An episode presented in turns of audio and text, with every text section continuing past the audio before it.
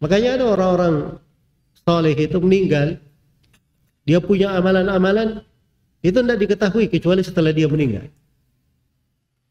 Iya. Tidak diketahui kecuali setelah dia meninggal. Ada orang misalnya dia ternyata apa namanya setelah dia meninggal dia punya mushaf itu itu sudah terlihat sering sekali digunakan. Itu bisa diukur darinya. Ini orang khatam Al-Quran setiap berapa hari. Ya, setiap berapa hari. Nah, itu tidak diketahui oleh orang-orang. Ya.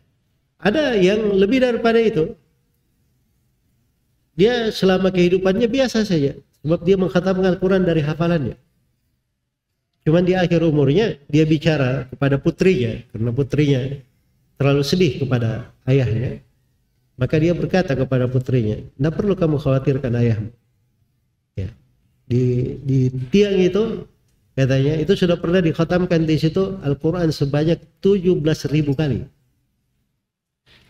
17.000 kali. Kita khatam Al-Quran dalam setahun berapa kali? Hah? Ramadan, Masya Allah. Itu pun mending kalau untung ya khatam ya. Ini 17 ribu kali dia. Bisa dihitung berapa kali dia khatam Al-Quran. Iya.